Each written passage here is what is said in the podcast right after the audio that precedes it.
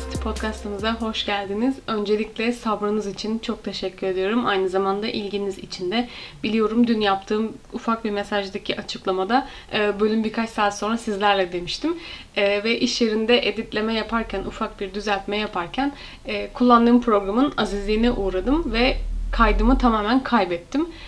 Kesinlikle de geri alamıyorum, döndüremedim. Bir türlü yükleyemedim programa tekrardan. O yüzden şimdi işten sonra eve gelir gelmez hemen kaydın başına tekrar oturdum ve tekrardan kayıt yapıyorum sizlere. Bu hafta sizlerle yine çok konuşulan olduğu zamanda ve hala konuşulan hatta sizlerden de birçok kez istek aldığım bir konu hakkında konuşacağız. Jack the Ripper yani karın deşen Jack. Ee, bu podcastta yer alan olaylarımızın en eskisine gidiyoruz. 1888 yılındayız ve Londra'dayız. Sanırım en çok geçmişe gittiğimiz konumuz 3. bölümümüzdeydi. 1954 yılında Mary Jane Barker'ın başına gelenlerden konuşmuştuk orada. Fakat şimdi yüzyıl değiştiriyoruz ve 1888 yılına gidiyoruz. Olay şu ki e, Londra'nın doğusunda Whitechapel Parish diye adlandırılan e, bir bölge var. Her şey burada başlıyor aslında. Bu bölge o zamanlarda e, suçun yoğun olarak işlendiği bir yer. E, suça karışma oranları orada yaşayan insanların çok yüksek ve sürekli etrafta polislerin gezdiği, e, polislerin sürekli suça karışan insanlarla uğraştığı durumlar mevcut. Burada düşük gelirli insanlar e, yaşıyor ve gerçekten evlerin dışından da baktığınızda e, bu durum onların yaşam koşullarına da yansıyor ve çalışma koşullarının da e, ağır olduğu ve aşırı kalabalık bir bölge. Neredeyse her bir köşede bir genel ev var ve her bir genel evin yanında da bir bar var. İnsanlar bir nevi yaşadıkları o kötü sosyal koşulları ve yoksullukları unutmak için de e, bu tarz bir yaşam döngüsüne girmiş durumdalar. Fakat bu kadar kötü koşulları varken nasıl barlarda içmek ve eğlenmek için para buluyorlar? Burayı da tam fazla çok fazla anlayamadım açıkçası.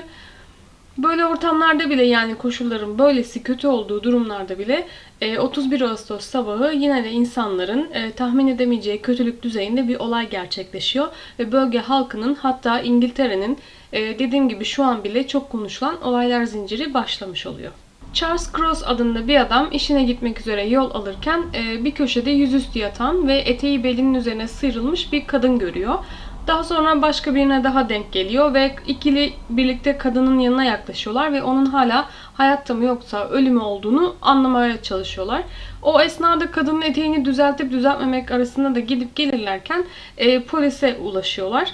Bu arada sabah olmak üzere o yüzden hava tam anlamıyla aydınlık değil ve mahalle etrafında da öyle sokak e, lambası ışığı yok çok fazla.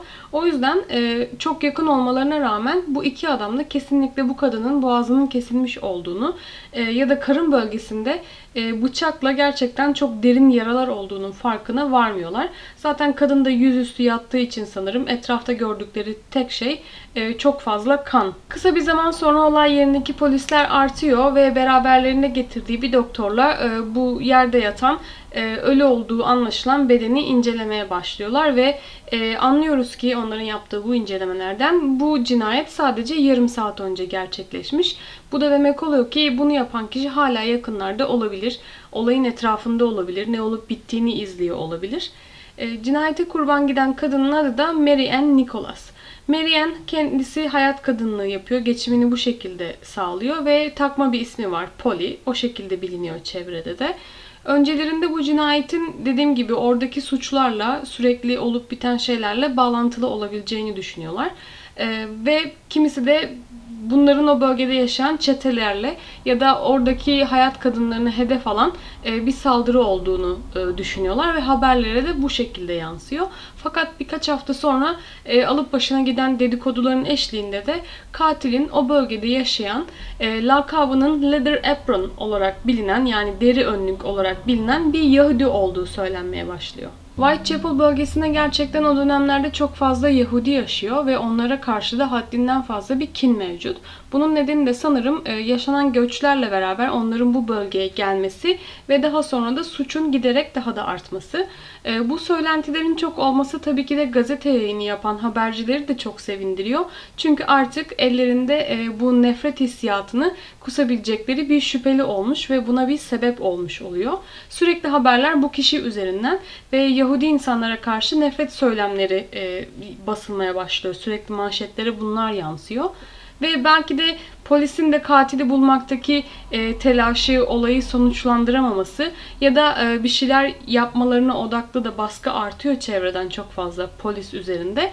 Onlar da bu yüzden John Pizer isimli bu kişiyi Eylül'de tutuklamaya karar veriyorlar. John Pizer dediğim gibi bir Yahudi, Polonyalı kendisi. Geçimini de ayakkabı yaparak sağlamaya çalışan birisi ve söylenenlere göre de e, sürekli deri bir önlük giydiği için çalışırken o yüzden kendilerine bu lakabı taktığını düşünüyor insanlar. Onu biliyorlar. Ve yine aynı zamanlarda kendisinin daha önceden de bir bıçakla yaralama suçundan dolayı da sabıkası var. Ama sadece bu iki şey yani onun hakkında çıkan dedikodular ve e, daha önceki sabıkasının olması polisin elindeki ona karşı kullanabilecekleri tek materyaller. Ama John Pizer ona yöneltilen bu suçlamalar karşısında elinde gerçekten güçlü bir delili var. Yani onun o suçu o anda işleyemeyeceğine dair. O yüzden e, kendisi aklanıyor bir nevi. Hatta sonralarında da kendisini katil olarak gösteren ve bu yönde e, haberler yapıp onu hedef gösteren gazeteye de açmış olduğu iftira davasını kazanıyor. Ve Eylül 8'e geldiğimizde de Whitechapel katili yeniden saldırıya geçiyor ve Danbury sokağının arka tarafında Annie Chapman'ı bulmamıza sebep oluyor. Annie'yi yine o bölgede yaşayan yaşlı birisi buluyor ve e, çevrede çalışan yardım insanların yardımıyla da polise haber veriyorlar. Annie'nin boğazında derin bir kesik var ve vücudunun çeşitli yerlerinde de özellikle kadın karın bölgesinde bıçakla delik deşik edilmiş durumda. Öyle ki biraz daha vahşi bir şekilde e, bağırsakları maalesef ki yerinden çıkartılmış ve omuzlarına yerleştirilmiş. Ve kadının üzerinde yapılan incelemelerde de rahminin de çıkartılmış olduğu ve muhtemelen de katilin bunu beraberinde aldığını düşünüyorlar. Çünkü olay yeri incelemesinde e, kadının vücudunun bu parçasına hiçbir yerde rastlayamıyorlar. Yaraları inceleyen doktor da e, kendisinin yaptığı tespitlerde bu yaraların gerçekten çok keskin olan bir bıçakla yapıldığını söylüyor. Hatta biraz daha detay verirsek de e, kullanılan bıçağın ince, uzun ve dar yapıda olduğunu bile söyleyebiliyor. Ve bu tanımıyla da e, bu bıçağın o dönemdeki ameliyat bıçaklarına benzer bir yapıda olduğunu ekliyor. Ve doktor raporunda yine bu katilin insan anatomisini bildiğine dair de bazı göstergeler olduğunu düşündüğünü söylüyor doktor. Bütün bu söylemlerle beraber katilin dediğim gibi büyük ihtimalle medikal bazı altyapısı olduğu, belki de doktor olduğu konuşulmaya başlıyor. Sanırım bu kavram insanların hala aklında olan bir madde ama bununla ilgili e, bu tezi çürüten aslında başka gelişmeler olacak ilerleyen zamanlarda konuşacağız onlar hakkında. Bu iki cinayette Londra'da çok büyük ses getiriyor aslında ve her gazetede sürekli yeni bir iddiayla e, manşet oluyor ve polisler bu zaman içerisinde yürütülen soruşturmayı etkileyecek beklenmedik bir problemle de baş etmek zorunda kalıyorlar bütün bu e, soruşturma dahilinde. Londra'nın her yerinde yaşayan insanların kendilerine gönderdiği mektuplar bu zorluk sebebi. Bu mektupların genelinden varacağımız sonuçlar aslında iki tane. Birincisi gerçekten soruşturmaya destek vermek isteyen kişilerin e, faydalı olduğunu düşündüklerini içeren bilgiler var. İkincisi de katilin kendisinden gelen mektuplar. Neredeyse 700 tane mektup geliyor polise ve bunlardan 100 tanesini e, Whitechapel katili olduğunu iddia eden kişilerin yazmış olduğu mektuplar. Kimisi yaptığıyla övünüyor, kimisi de yaptıkları için pişmanlıklar gösterdiğini söylüyorlar, yazıyorlar mektuplarında. Hatta birçok insanın söylediğine göre de e, polisler gerçekten bu mektupları yazanlardan birinin de katil olduğuna inanmışlar. Demek ki bazı detaylar yakalamış olmalılar. Hatırlarsanız e, Zodiac katilinde de aynı şey olmuştu. Ama orada başlangıçtan beri tek bir mektup çeşidi vardı aslında ve o kişi tehditler gönderiyordu kendisinin o olduğunu iddia ederek. Ama yine de hiç kimsenin bilmediği detaylarını vermesiyle de e, gerçek katilin yazmış olduğuna yani Zodiac katilinin yazmış olduğuna da kesin gözle bakılıyordu. Bu mektuplardan bir tanesi yine bir gazeteye gönderilen bir mektup. Polisin eline geçenlerden hariç. Central News Agency'ye hemen hemen e, ikinci cinayetin, Annie Chapman'ın cinayetinin işlenmesinden 20 gün sonra ulaşıyor bu mektup. Ve bu mektuba yazan kişi Dear Boss olarak başlıyor yani sevgili patron. Ve e, anlattıklarını söyledikten sonra da kendisini Jack olarak e, imza atıyor kendi ismine. Zaten daha sonralarda da bu olayları yapan kişi Jack the Ripper yani karın deşen Jack olarak anılmaya başlıyor. Başlarda bu gazeteye gelen mektup da diğer polise gelen yüzlerce diğer mektup gibi bir şakaymış. Sadece dalga geçirmek için yazılmış olduğu düşünülse de aslında orada verilen tek bir detay polisin daha sonradan ilgisini çekiyor. O da tırnak içinde sıradaki kurbanımın kulaklarına keseceğim diye yazması ve bu söylem sadece birkaç gün sonra gerçekleşiyor. Eylül'ün 30. günündeyiz ve iki kadın birden bu katilin kurbanları oluyorlar. Bunlardan ilkinin adı Elizabeth Stride, diğeri de Catherine Eddowes. Elizabeth yine o bölgede uzun Liz olarak biliniyor ve hayat kadınlığı yaparak geçimini sağlıyor. En son gece yarısı civarlarında kimliği bilinmeyen bir erkekle görüldüğü söyleniyor polise verilen ifadelerde ve çok kısa bir zaman sonra da öldürüldüğü e, sabah karşı bir sıralığında onu sokakta bulduğumuzda anlıyoruz. Bu aradaki zaman çok fazla e, uzun olmadığı için bu en son görüldüğü kişinin e, onu öldürdüğünü düşünüyorlar ve bu kişinin de Jack olduğunu düşünüyorlar. Onun boğazında yaklaşık 15 santim uzunluğunda bir bıçak yarası var. Görünene göre başka herhangi bir yaralaması yok aslında. Sadece boğazındaki kesikten bile e, Jack'in kurbanı olduğunu düşünen insanlar var. Olaylar arka arkaya gerçekleştiği için. E, ama belki de başka bir olay yüzünden öldürülmüş olabileceği de ihtimaller dahilinde. Çünkü dediğim gibi boğazındaki kesikten başka başka bir yarası yok Elizabeth'in. Ee, yine de öldürme şekli, lokasyon, olduğu çok benzerlikler olduğu için insanlar bu cinayetin de önceki cinayetlerle ilişkisi olduğunu düşünüyorlar. Ki zaten çok kısa bir zaman sonra arada gerçekten bir bağlantı olduğunu da öğreneceğiz. Ve yine insanların konuştukları arasında işte neden karnı deşilmedi kısmına da Jack'in aceleyle saldırdığını ve vakti olmadığı için o imza hareketini yapamadığını düşünüyor insanlar. Ya da belki de yapmak istediği ama birilerinin dikkatini çekebilirdi. Yakalanabileceğini hissetti o anda. O yüzden yarıda bıraktı diye konuşuluyor.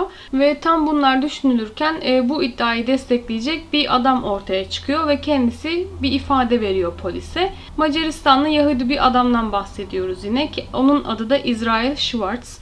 Onun bu cinayete tanık olduğunu e, ve onun yüzünden bu aceleyle gerçekleşmiş bir ölüm olduğunu aslında dediğim gibi destekliyor onun ifadesi. Kendisi gece yarısı 12.45 civarında Berner sokağının girişinde bir kadına saldıran adam görüyor. Ama o bunu karı koca arasında geçen bir kavga zannediyor ve olaya müdahalede bulunmak istemiyor. E, bu olaya müdahale edip etmeme konusundaki tereddüdü ve bunu istememesi aslında bu konuda söyleyecek birkaç bir şeyim var. E, ama bölüm sonuna saklayacağım. Şimdi konuyu dağıtmak istemiyorum çok. Sokağın karşısına geçerek dediğim gibi yoluna devam ediyor. Fakat bu olay duyulunca gördüğü kadının Elizabeth olduğunu anlıyor. Daha sonralarında bu onun bu korkaklığı da gazetelere yansıyor yine.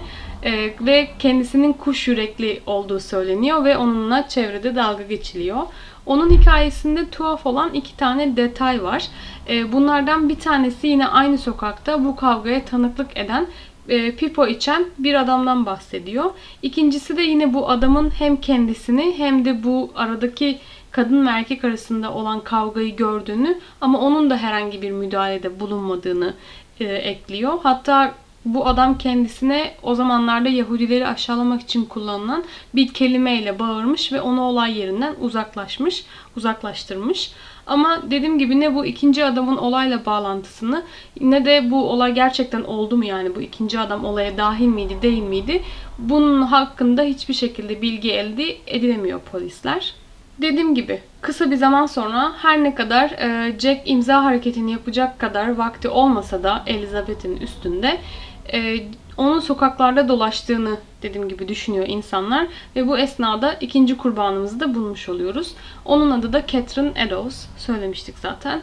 Gece yarısından sonra Catherine e, sarhoş olarak rahatsızlık dolaşırken rahatsızlık verdiği gerekçesiyle aslında polis nezaretinde tutulmuş bir süre. Daha sonra serbest bırakılmış ve sokaklarda yürümeye devam ediyor gece yarılarında. En son canlı olarak görüldüğü yerde e, Miles Square oluyor ve sabaha karşı bir buçuk civarlarında. Yanında bir erkekle beraber olduğu da kayıtlara geçiyor. Onları görenler var. Yine bir bardan çıkan 3 e, kişi. Onları gören bu üç kişiden biri bu ikiliye dikkatlice bakma fırsatı bulmuş ama onları sadece kıyafetleriyle tanımlayabiliyor. Aslında yüzlerine çok da fazla dikkat etmemiş. Sonralarında Edos'un boynunda derin bir kesiğin Ee, ve gerçekten de vahşice yapılmış başka yaralarıyla birlikte buluyoruz. Bir önceki kurbanından çok daha canice ve çok daha ağır darbelerle gerçekleşmiş bu cinayet. Sanırım bir önceki kurbanına istediklerini yapamadı diye sinirlenmiş ve bütün hıncını da bu ikinci kadından çıkarmış. Yine bağırsakları e, ilk iki kurbanımızdaki gibi çıkartılmış ve omuzlarına yerleştirilmiş. Ve bununla beraber e, Catherine'ın sol böbreği ve rahminin bir kısmı da çıkartılmış ve yine hiçbir yerde bulunamıyor. Ve yine o haber kaynağına giden mektuptaki ipucu gibi Catherine'ın sağ kulağı da kesilmiş.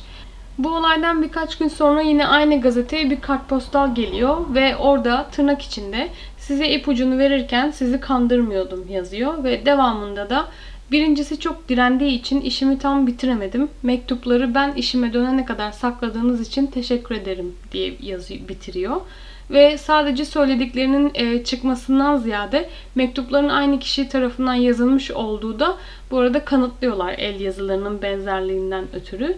Ve mektup bu sefer katilin isteğiyle değil, e, polisin bu el yazısını tanıyacak biri olması umuduyla gazetede yayınlanıyor. Ama herhangi bir sonuç alınamıyor. Ve yine belirli bir zaman sonra yine bir aynı gazeteye bir mektup daha geliyor ve o mektupta da belediye tarafından görevli olan ve o bölgeyi daha temiz ve yaşanabilir yapmak için uğraşan bir komitenin başkanı olan kişiye hitaben yazılmış bir mektup.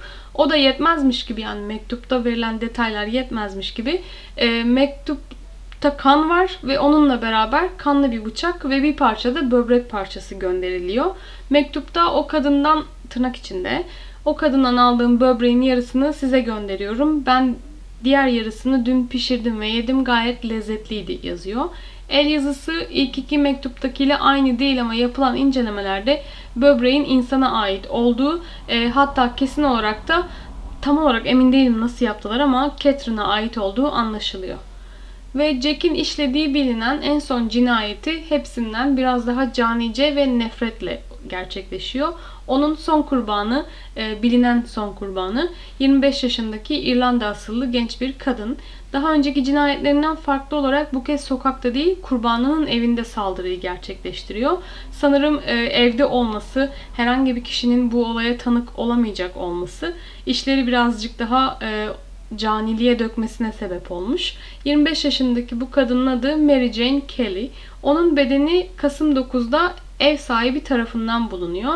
Eski bir asker olan ev sahibi kiraya almak için e, Kelly'nin evine geldiğinde onun bile kaldıramayacağı kötü bir görüntüyle sarsılıyor. İlk fark ettiği şey aslında evin camlarının kırılmış olduğu, e, pencere camlarının kırılmış olduğu ve her yeri kaplayan kan izleri. Sonrasında masanın üstünde duran bir yığın et parçası görüyor ama bunun e, insan eti yani Kelly'nin vücudundan parçaları olduğunu anlamıyor en başta. Ve Kelly'nin bedeninde yatağında gerçekten çok kötü bir vaziyette bulmuş oluyor. Öyle ki ortada kalan aslında bedenin insana benzeyen e, pek bir tarafı da kalmamış. Doktorların yaptığı incelemelerde söyleniyor ki e, bir insanı bu hale getirmek 2 saatten çok daha uzun bir zaman almış olmalı ve mektuplarda verilen detaylar da aralarda gönderilen mektuplarda verilen detaylara da eğer yalnız ve rahat olabilirse kurbanına neler yapabileceğini tanımlayan e, o vahşi tanımlara da oldukça uyan bir manzara var e, polislerin karşısında. Biraz detay vereceğim. Belki hoşunuza gitmeyebilir, geçebilirsiniz. Bu yazılan raporda Kelly'nin vücudunu inceleyen doktorların yazmış olduğu raporlarda karın ve kasık bölgesindeki tüm iç organların çıkartılmış olduğunu söylüyorlar. Ve göğüslerinin yine kesilip çıkartıldığı ve kollarında birçok e, derin bıçak darbesi olduğunu ekliyorlar. Yüzüne gelirsek de e, artık tanınmayacak bir vaziyette yüzünün yüz kemiklerine varacak düzeyde e, derin yaralar var. E, neredeyse yüzünü ortadan kaybetmiş yani o şekilde bulunuyor Kelly'nin vücudu. Bu noktaya gelene kadar dediğim gibi elimizde 5 cinayet var. 5 kadın cinayeti var. Fakat hiçbir şekilde bir şüphelimiz yok o noktaya kadar. Ve Londra polisinin yapmış olduğu, e, o zamana kadar yapmış olduğu en derin soruşturmalardan biri oluyor bu. Fakat polis halk tarafından oldukça eleştiriliyor ve ağır ithamlara maruz kalıyorlar. Sonralarında bu olay İskoçya dedektiflerinin ele almasıyla soruşturma devam ediyor. Soruşturmanın el değiştirmesiyle birlikte gelişen durumlarda bizi ilgilendiren ve konuşmamız gereken iki tane önemli bilgi var. Bunlardan birincisi bir cerrahın yazdığı rapor. Kendisine katilin sahip olduğu düşünülen medikal bilgisi üzerine görüşleri için danışıyorlar aslında. Ve bu doktor 11 maddelik bir rapor yazıyor ki bu da İngiltere tarihi için varlığı bilinen ilk suçlu profili çıkarma raporu olmuş oluyor. Kesin olarak belirtiliyor ki bu raporda bu 5 kadın da aynı kişi tarafından öldürülmüş. Ama daha önce çıkartılan raporların ve görüşlerin aksine bu doktor bu sefer bu katilin herhangi bir medikal geçmişi olduğunu e, ya da bir bilgisi olduğuna inanmadığını söylüyor. Hatta katili bir kasap e, ya da at kesicisi olarak bile yetenekli ya da e, teknik bilgisi olmadığını düşündüğünü söylüyor. Jackie soğukkanlı, orta yaşlarda, sessiz, e, normal giyimli ve bu sayede etrafta çok dikkat çekmeyen biri olarak tanımlıyor. Muhtemelen e, uzun bir pardesü giymiş olmalı diye de ekliyor olaylardan sonra. Çünkü bu denli kan olan olay yerlerinde e, onun kıyafetlerinde kan olmaması imkansız. O yüzden uzun bir pardesü sürekli giyiyor olmalı ki bu izleri saklayabilsin her cinayet işledikten sonra ve kurbanlarındaki tek amacı da onlara derin yaralar açmak ve derin kesikler yapmak olarak açıklıyor. Ve Jack'in kişiliğine gelince de bununla ilgili de e, aşırı cinsel istek dürtüleri yüzünden intihara meyilli biri olduğunu düşündüğünü ekliyor. Bu iki tane konuşmamız gereken bilgiden birisi bu. Bu hazırlanan rapor. İkincisi de Jack'in öldürmeyi bırakmasıyla alakalı e, görüşler oluyor. Dedektiflerin elde etmiş olduğu, yazmış olduğu raporlar sonucunda. Bunları birazdan konuşacağız neden olduğuyla alakalı e, şüpheliler hakkında konuşurken. Ama bunlardan önce bir bilgi daha eklemek istiyorum. O da e, Catherine Eddowes öldürüldükten sonra e, bu kadının elbisesinin bir aksesuarı var. Eski eski zaman resimlerini eğer gözünüzde canlandırırsanız böyle önlük gibi bir şey takıyorlar kadınlar.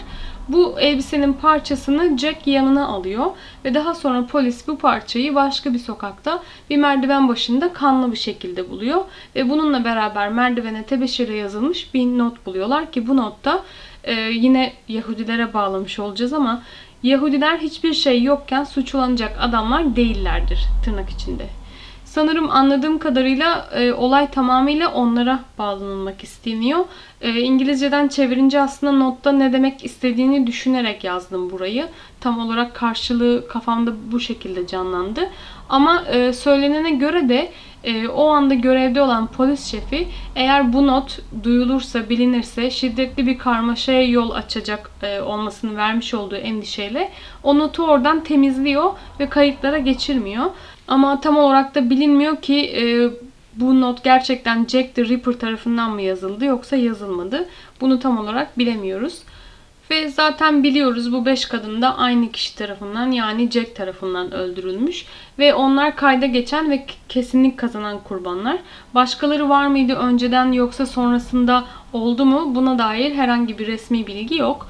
Ama e, onun bunca şeyi bu şekilde yaptıktan sonra durmuş olabileceğine inanan insanlar da yok ya kurbanları hiç bulunamadı ya da başka bölgelerde başka şekillerde cinayetler işlemeye devam etti. O yüzden olaylar asla birbirine bağlanamadı.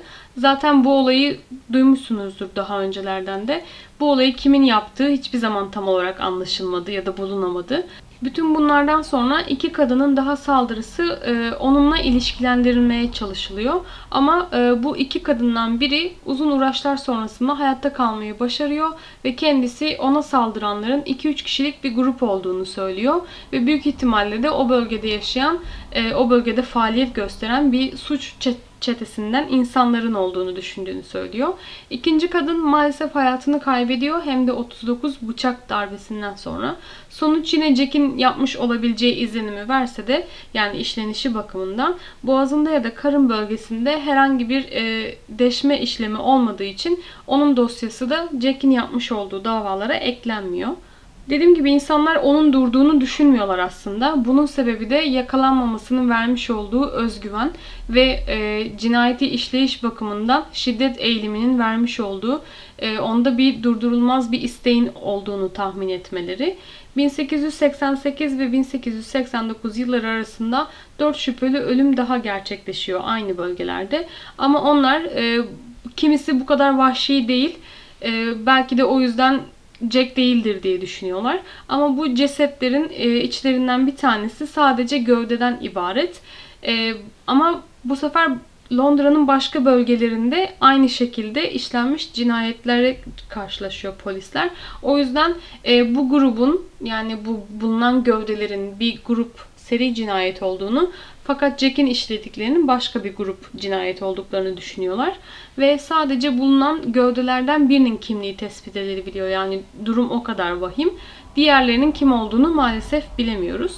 Bu da demek ki e, aynı zamanda iki sapkın katil birden dolaşıyor ortalarda. Dediğim gibi Jack'in kim olduğuna dair e, sorulan soru gerçekten çok önemli. Hem de büyük bir bilinmez haline geliyor o dönemlerde. Şimdi birazcık şüphelileri sıralayacağım sizlere. Bunlardan ilki diye başlamak istiyorum çünkü sürekli artıyor.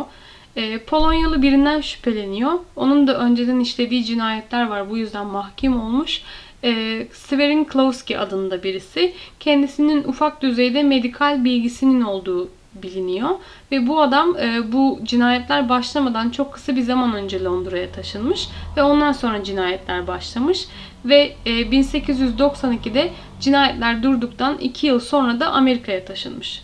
Ama onun daha önceki işlediği e, cinayetlerin tarzı zehirleme ve bizim burada duyduğumuz ve konuştuğumuz kadar bir vahşilik yok işin içinde. O yüzden sadece zamansal olarak e, bu kişiyle bazı uyuşmalar mevcut.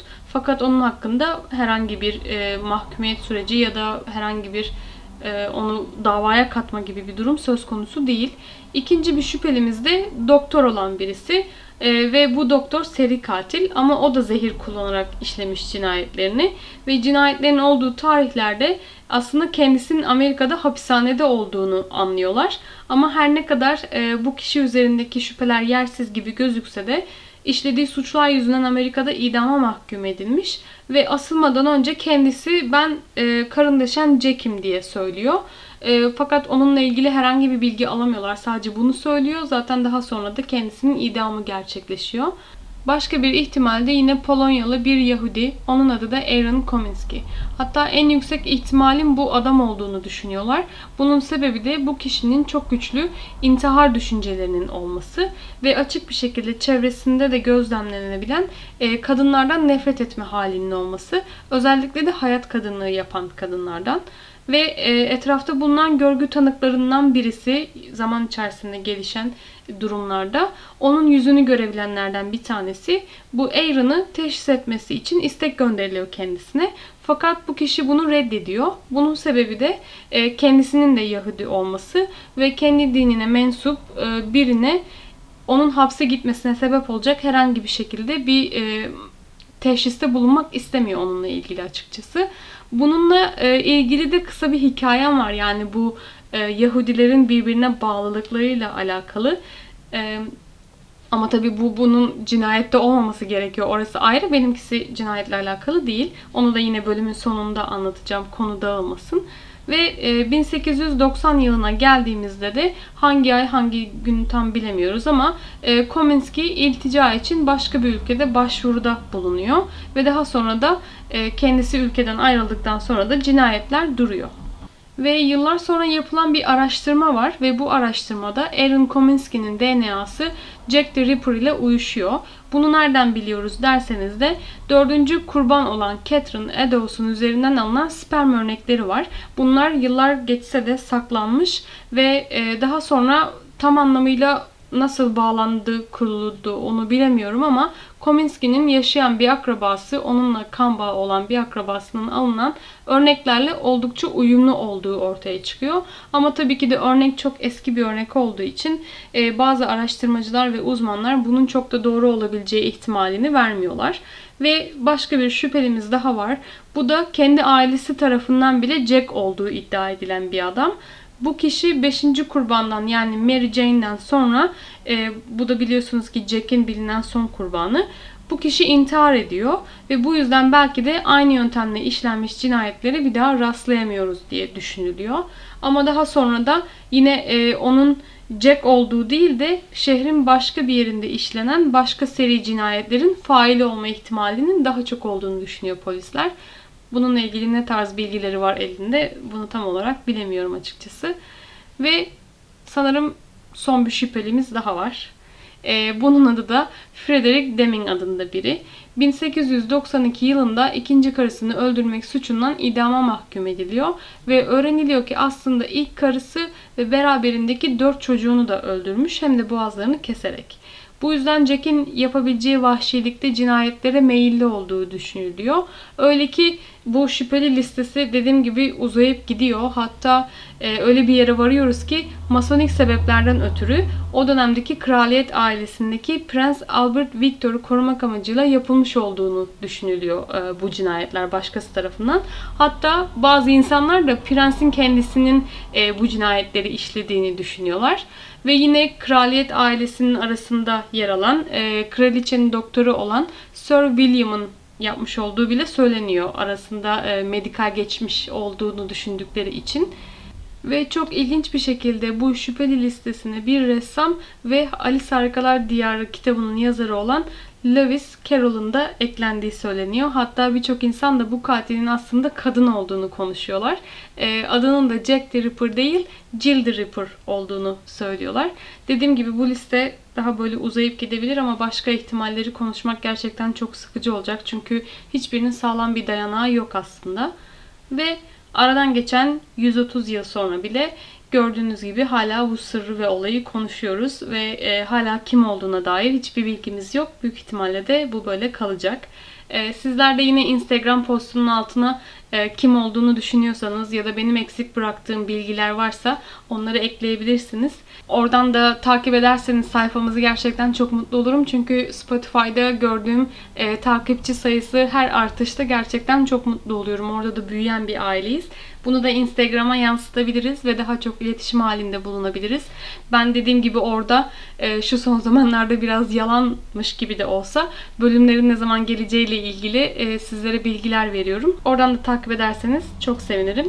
Şimdi bölümün içinde iki tane açmak istediğim, konuşmak istediğim konu vardı. Bunlardan bir tanesi bir erkek ve kadının tartıştığını görüp olaya müdahale etmeme hali. Eğer o adam o gece bu olaya müdahale edebilmiş olsaydı belki de e, bir eksik cinayetimiz olacaktı bir kişinin hayatı kurtulmuş olacaktı. Ve sanırım bu hangi yüzyılda olursak olalım değiştiremeyeceğimiz bir kavram. Ülkede çok fark etmiyor, zaman da çok fark etmiyor. Ama bizler e, sorumlu vatandaşlar olmalıyız. Kendi ülkemiz için konuşuyorum. Ve kadınlara ve çocuklara yapılan şiddete eğer gözümüzün önünde ve müdahale edebileceğimiz bir durumdaysa bunlara müdahale etmek zorundayız. Kadının kocasıdır, yapabilir. Çocuğun annesidir, babasıdır diye düşünmemiz hiçbir şey ifade etmiyor. Sürekli yeni şeyler duyuyoruz, izliyoruz artık haberlerde gerçekten birçok insanın e, sınırları zorlanmaya başladı. Ve bizler o konuşamayan çocukların sesi olmak zorundayız. E, kadınların da destekçisi olmak zorundayız. Ha derseniz ki e, Kadir Şeker diye bir arkadaşımız vardı. Onun başına neler geldi, o yaptı da ne oldu? Evet, e, Türkiye gerçeklerinde bu kulağa çok zor geliyor olaylara müdahale etme e, düşüncesi özellikle ailevi durumlarda.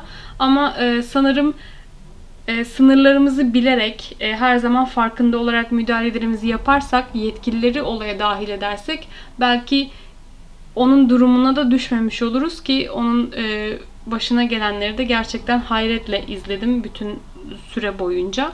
Umarım en kısa zamanda onun hakkında en iyi karara varılır ve artık hapiste kalmak zorunda kalmaz diye düşünüyorum. Ama tabii ki de olması gereken bu da değil. Yani bizim aslında bu müdahaleleri yapmayacak ortamlarda artık e, yaşamamız gerekiyor. O yüzden kendi ülkemiz için konuşacağım. Kadınlarımızın kendine herhangi bir aşağılamada bulunan kişilerle birlikte ömürlerini harcamamaları gerekiyor. Ne fiziksel şiddet ne de psikolojik şiddet. Bunların ikisi de birbirinden farklı değil. Bedensel sağlığımız nasıl önemliyse akıl sağlığımız da aynı düzeyde önemli. Ve bunların e, birisi birinin önüne geçemiyor yani ya da tam tersi bir şekilde davranamıyoruz. İnsanlar her yönden yara alabilirler. O yüzden lütfen e, beni dinleyen küçük yaşta olan arkadaşlarıma aslında kadın erkek de çok fark etmiyor ama onlara seslenmek istiyorum. Tam şu üniversite lise bitti. Üniversite seçimleri gerçekleşiyor şu anda. Lütfen e, okulunuzun kapısından başka bir kapıda medet ummayın.